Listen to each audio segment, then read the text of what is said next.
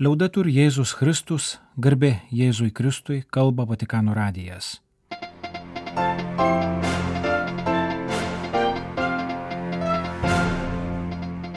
Malonus klausytojai šioje programoje.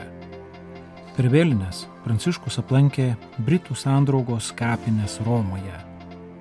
Popiežiaus palaiminta kario gertuvė sugrįžo į Lvivo bažnyčią. Pranciškaus pratarmė knygai Dievo klausimai ir klausimai Dievui.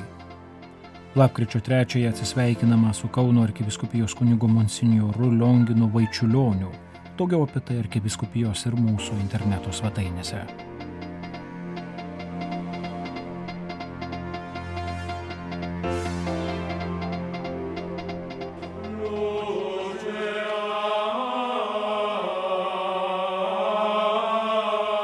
Lapkričio antrosios rytą, mirusiųjų minėjimo vėlinių dieną, popiežius Pranciškus dalyvavo mišiuose Romos Britų tautų sandraugos kapinėse.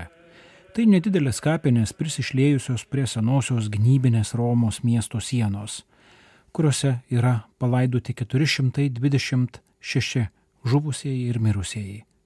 Kapinės primena dramatiškus antrojo pasaulinio karo įvykius 1943 pradžioje buvo pradėta Italijos išlaisvinimo kampanija.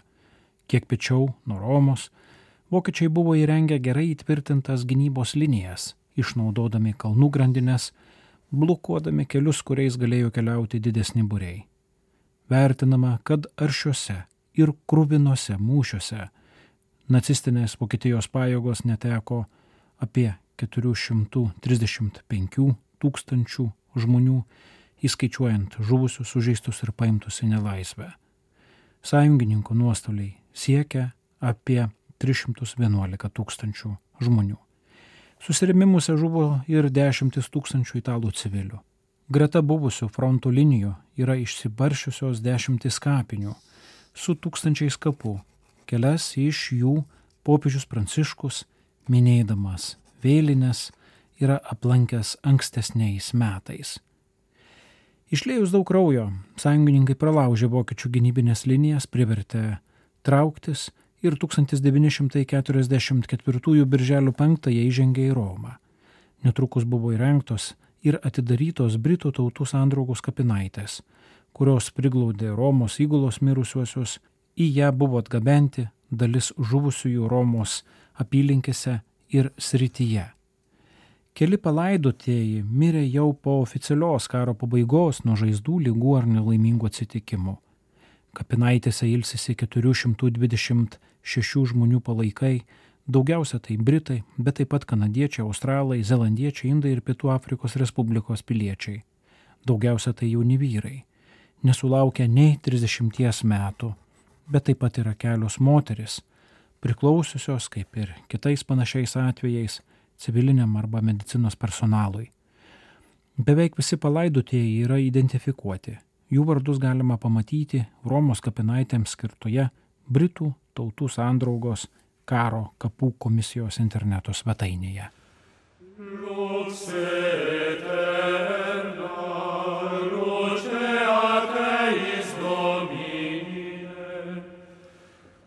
Sanctis tuis Popiežius koncelebravo mišes nedidelėje tai progai įrengtoje pastogėje. Mišiuose dalyvavo apie 300 dalyvių. Po Dievo žodžio liturgijos Pranciškus pasidalijo keliomis spontaniškomis mintimis. La celebrazione di un giorno come oggi ci porta due pensieri - memoria e speranza. Pasak jo, šią vėlinių dieną jis nori paminėti atmintį ir viltį. Atminti tų, kurie gyveno prieš mus, paukojo neteko gyvybės. Daug iš jų buvo žmonės, kurie stengiasi būti geri, dirbo, turėjo šeimas, draugus. Taip pat atminti tų, kurie nesugebėjo būti tokie geri, bet buvo priimti Dievo gailestingume, kuris yra slipinys. Po to viltis, kuri taip pat yra atmintis, skatinanti mus eiti pirmin. Mes einame pirmin link susitikimo su kitais ir su viešpačiu turime prašyti viešpaties tokios vilties malonės. Ši viltis, kuri yra per dievišką malonę gauta darybė, nenuvilia ir padeda įveikti kiekvienos dienos iššūkius. Pasak Pranciškaus, Šią vilties durybę, pabrėžiant jos reikalingumą kiekvieną dieną, galima pavadinti virtuvės durybę. Anot popiežiaus atvykęs į kapines ir žvelgdamas į antkapius su vardais ir datomis, į akis jam krito, jog dauguma žuvusiųjų buvo 20-30 metų amžiaus, tiek sudaužytų ir nutrauktų gyvenimų. Pasak popiežiaus, jis galvoja ir apie šeimas, apie motinas, kurios gaudavo laiškus, jog jų sunus herojiškai žuvo. Taip, herojus, bet jo nebėra. Tiek ašurų, tiek sulaužytų likimų, pakartojo Pranciškus. Šią dieną tęsė jis, neįmanoma negalvoti ir apie šiandien siaučiančius karus Europoje ir kitur, kuriuose siejama mirtis, žuvo tiek daug žmonių. Šiandien, galvodami apie mirusius ir vildamiesi, prašykime viešpaties taikos, kad žmonės nežudytų vienas kito karuose. Tiek daug žuvusių nekaltųjų, daug kritusių karių. Karai visada yra visų pralaimėjimas. Ir tada, kai vienas laimi, pralaimi savo už pergalę sumokėtą kainą. Preghiamo il Signore per i nostri defunti, per tutti. Melskime viešpati už mūsų mirusiuosius ir visus mirusiuosius. Tegul visi būna priimti viešpaties, tegul viešpats būna gailestingas ir mums. Ir mums duoda vilties, vilties eiti pirmin ir, kai pasikvies pas save, sutikti jį ir visus kitus. Tebūnie, meldė Pranciškus.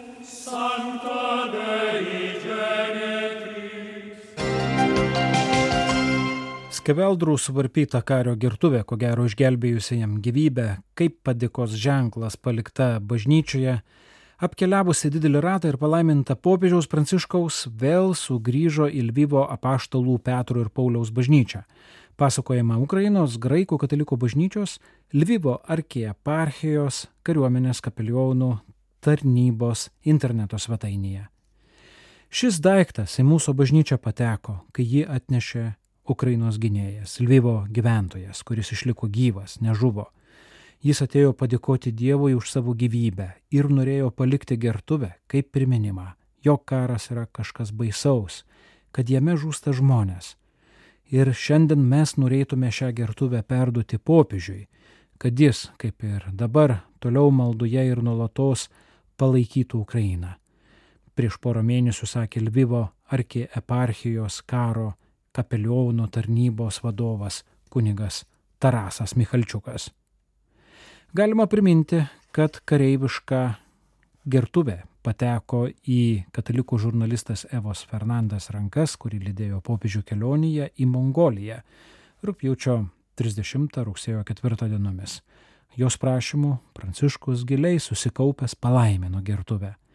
Vėliau per Ukrainos ambasadą prie Šventojo sosto gertuvė vėl sugrįžo į Lvyvą, į kariuomenės ordinariatui priklausančią paštulų Petro ir Pauliaus bažnyčią. Gertuvė, kurią į mūsų šventovę atnešė kareivis, o dabar palaimino popiežius Pranciškus, yra skausmo ir kančios simbolis, bet kartu ir nenugalimumo bei pergalės liudijimas, sakė kunigas Tarasas Michalčiukas, kurio vadovaujamoje Lvyvo arkieparchijos karo kapelionų Tarnyboje dirba be jo paties dar 14 kitų kunigų. Tarnybos interneto svetainėje spalio 25-ąją tarptautiniai karo kapelionų dienai skirtame interviu kunigas Tarasas Michalčiukas pasidalijo keliomis mintimis apie šią tarnystę. Karo tikrovė ir žiaurumas, pažymėjo jis, neišvengiamai paveikia ir kapelionus. Kita vertus, šie sunkus momentai tampa patirtimi kurie padeda daryti tai, kas reikalingiausia, siekiant padėti žmonėms. Įtin reikia pagalbos žuvusių karių šeimoms, kurios anot Lvyvo kapeliono gyvena šalia, kaiminystėje. Mes, kariuomenės kapelionai, neturime teisės nei minutį jų pamiršti. Galiu patvirtinti, jog buvimas šalia mūsų karių šeimų šiandien yra vienas iš svarbiausių mūsų kapelioniškos tarnystės komponentų, sakė kapelionas. Kitas nepamainomas aspektas tai buvimas su kariais ir tarp karių, vaikinų ir merginų, taip pat pirmose frontų linijose, štabuose, daliniuose, kartu melžiantis, teikiant komunijos ir atleidimo sakramentus. Daug karių kalbasi apie savo vaikus, šeimas, namus. Tenka kalbėti su vadais, su karininkais ir karininkėmis, priimančiais sunkius sprendimus, lemiančius gyvenimą arba mirtį. Pasak kunigo Taraso Michalčiuko, Lvivo kapelionai reguliariai, nulatos vyksta į fronto linijas, nes juose pabuvus tampa aišku, kaip tolimame ir saugiame užnugaryje lengva prarasti ryšį su karo tikrove. Karas nebetrodo toks tikras. Tuo tarpu pirmose linijose gynėjai kovoja ir žūsta už visų laisvę bei nepriklausomybę. Kad nepasimirštų ir kapelionai, jie nuolatos keliauja į frontą, o grįžę atgal stengiasi perteikti tą tikrovę visuomenė ir ją motivuoti, būti absoliučiai patikima atrama gynėjams. Ir žinoma, kad kunigas ir kariuomenės kapelionas galėtų vykdyti savo misiją, jis turi kasdien melstis bei jausti viešpatės artumą, kuris leidžia gyventi ne pagal žmogišką logiką, o pagal apvaizdą. Kapelionas taip pat padėkojo ir geradariams, kurių dovanos ar aukos leidžia lankyti karius ne tuščiomis rankomis. Matant gynėjų, merginų ir vaikinų drąsą, supranti, kad paprasčiausiai neturi teisės nusiminti, nuleisti rankų, tęsė kapelionas. Kovoje su blogiu neturime teisės pavarkti, vieną iš karo pamokų pabrėžė jis, nes jei to blogio neįveiksime, jis sugrįž ryt ar poryt daug stipresnis ir daug žiauresnis. Negalima pasiduoti nuovargio pagundai. Esame pašaukti kovoti su blogiu tol, kol esame gyvi. Daug brolių kunigų šiandien yra fronte, kartu su kariais. Šis pasiaukojimas yra puikus tikėjimo dievų pavyzdys, nes kapelionas, kuris yra fronte, kuris yra kartu su kariais, yra absoliutus autoritetas. Jis nėra kažkur toli, bet iš arti liudyja, ką reiškia būti arti Dievo, ką reiškia būti stipriam Kapelionas visų pirma yra pašauktas suteikti sielos ramybę, sakė Lvyvo graikų katalikų kariuomenės kapelionų tarnybos vadovas kuningas Tarasas Michalčiukas. Dievo klausimai ir klausimai Dievui. Kalbame su Biblija. Tai spalio 31 dieną pasirodžiusiai dviejų dominikonų, britų teologo iš Londono Timothy Ratcliffo ir Jeruzalėje reziduojančio Lenko biblisto Lukašo Popko knyga, kuriai įvadą parašė popiežius Pranciškus. Jėzus uždavinėjo klausimus. Vieni iš pirmųjų Jėzaus žodžių Jono Evangelijoje yra klausimas dviem krikštitojo mokiniams, kurie sekė paskui jį ko ieškote, primena popiežius. Panašiai ir Evangelijoje pagal Luką pirmieji perduoti Jėzaus žodžiai yra klausimas savo žemiškiesiems tėvams, Juozapui ir Marijai, kodėl manęs ieškote. Ir ant kryžiaus, žemiškojo gyvenimo praleisto skelbiant Dievo švelnumą pabaigoje, Jėzus uždavė klausimą tėvui. Mano Dieve, mano Dieve, kodėl mane apleidai? Po prisikėlimo iš numirusiųjų viešpats prisistato Marijai Magdalietėjai dvigubų klausimų. Moterė, kodėl verki, ko ieškai? Jėzui patiko uždavinėti klausimus, nes mėgo ir troško kalbėtis su savojo laiko vyrais bei moterimis, susibūrusiais aplink keistąjį mokytoją, kalbantį apie Dievą ir sėją, apie Dievo karalystę ir lobį laukose, apie karalius ir turtuolių puotas Ji girdėjusieji suprasdavo, kad tai ne vien retorinės figūros, bet būdas kreiptis į širdį, paliesti kiekvieno vidų, bandymas pragręžti storąjį aš keutą ir įlašinti meilės balzamo.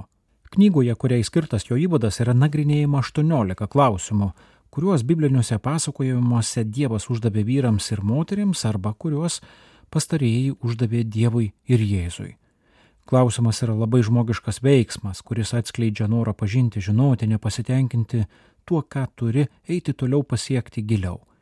Tas, kuris užduoda klausimus, nesitenkina regimybę, bet jaučia vidinį gyvybingumą liudijantį nerimą.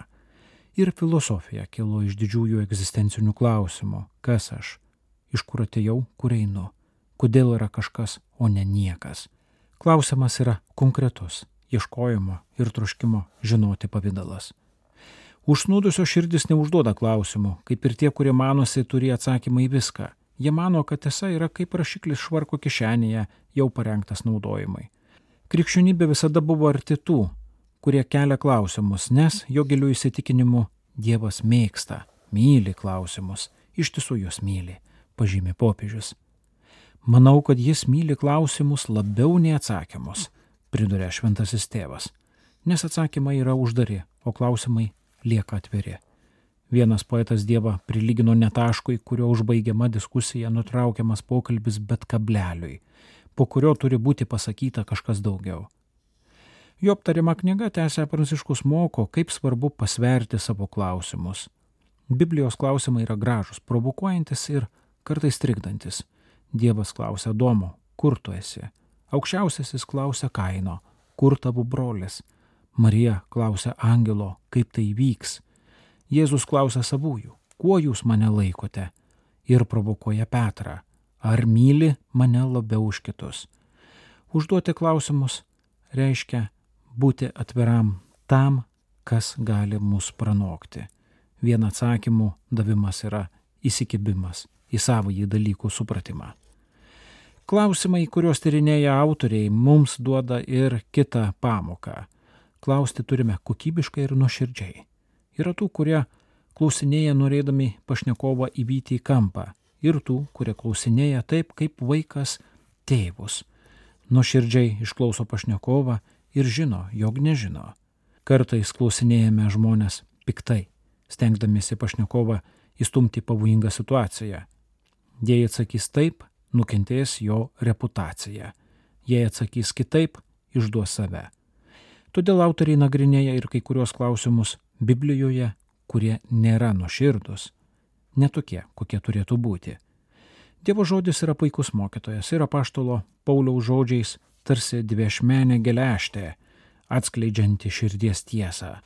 Dievo žodis visada aktualus ir kreipiasi ne tik į to laiko, kai buvo užrašytas vyrus ir moteris, bet ir mus.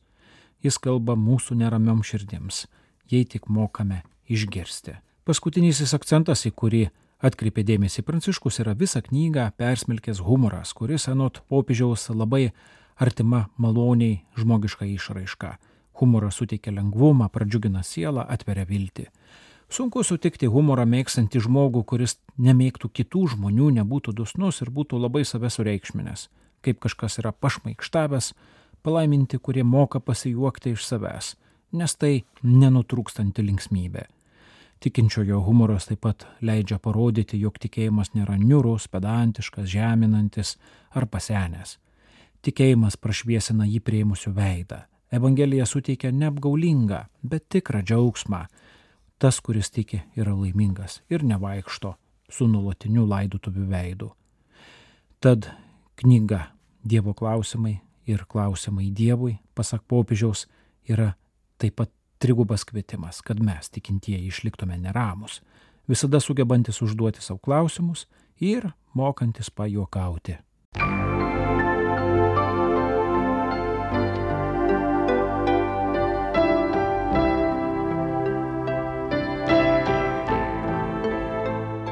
Malonus klausytojai laidą lietuvių kalbą baigiame. Kalba Vatikano radijas. Garbė Jėzui Kristui, liaudai turi Jėzus Kristus.